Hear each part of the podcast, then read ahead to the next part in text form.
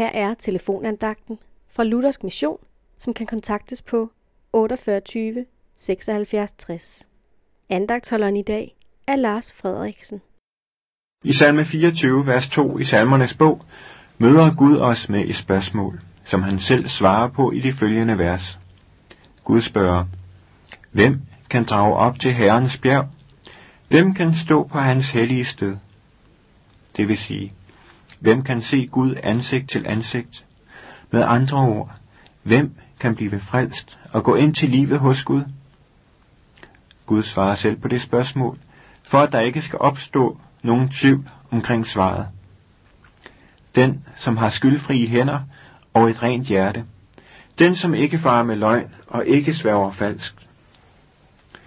Jeg kender ikke dig, som sidder ved telefonen nu og lytter, men én ting ved jeg om dig. At Guds svar på sit spørgsmål fratager dig fra enhver mulighed for ved egen kraft at blive frelst. Nej, intet menneske kan stå på Herrens hellige bjerg uden at blive fortæret af hans hellige vrede over synden, som bor i et hvert menneske.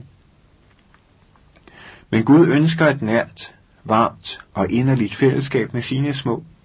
Han vil ikke, at du skal dø.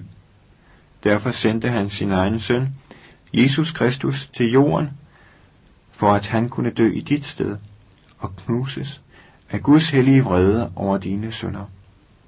Tro på Herren Jesus, så skal du blive frelst. Amen.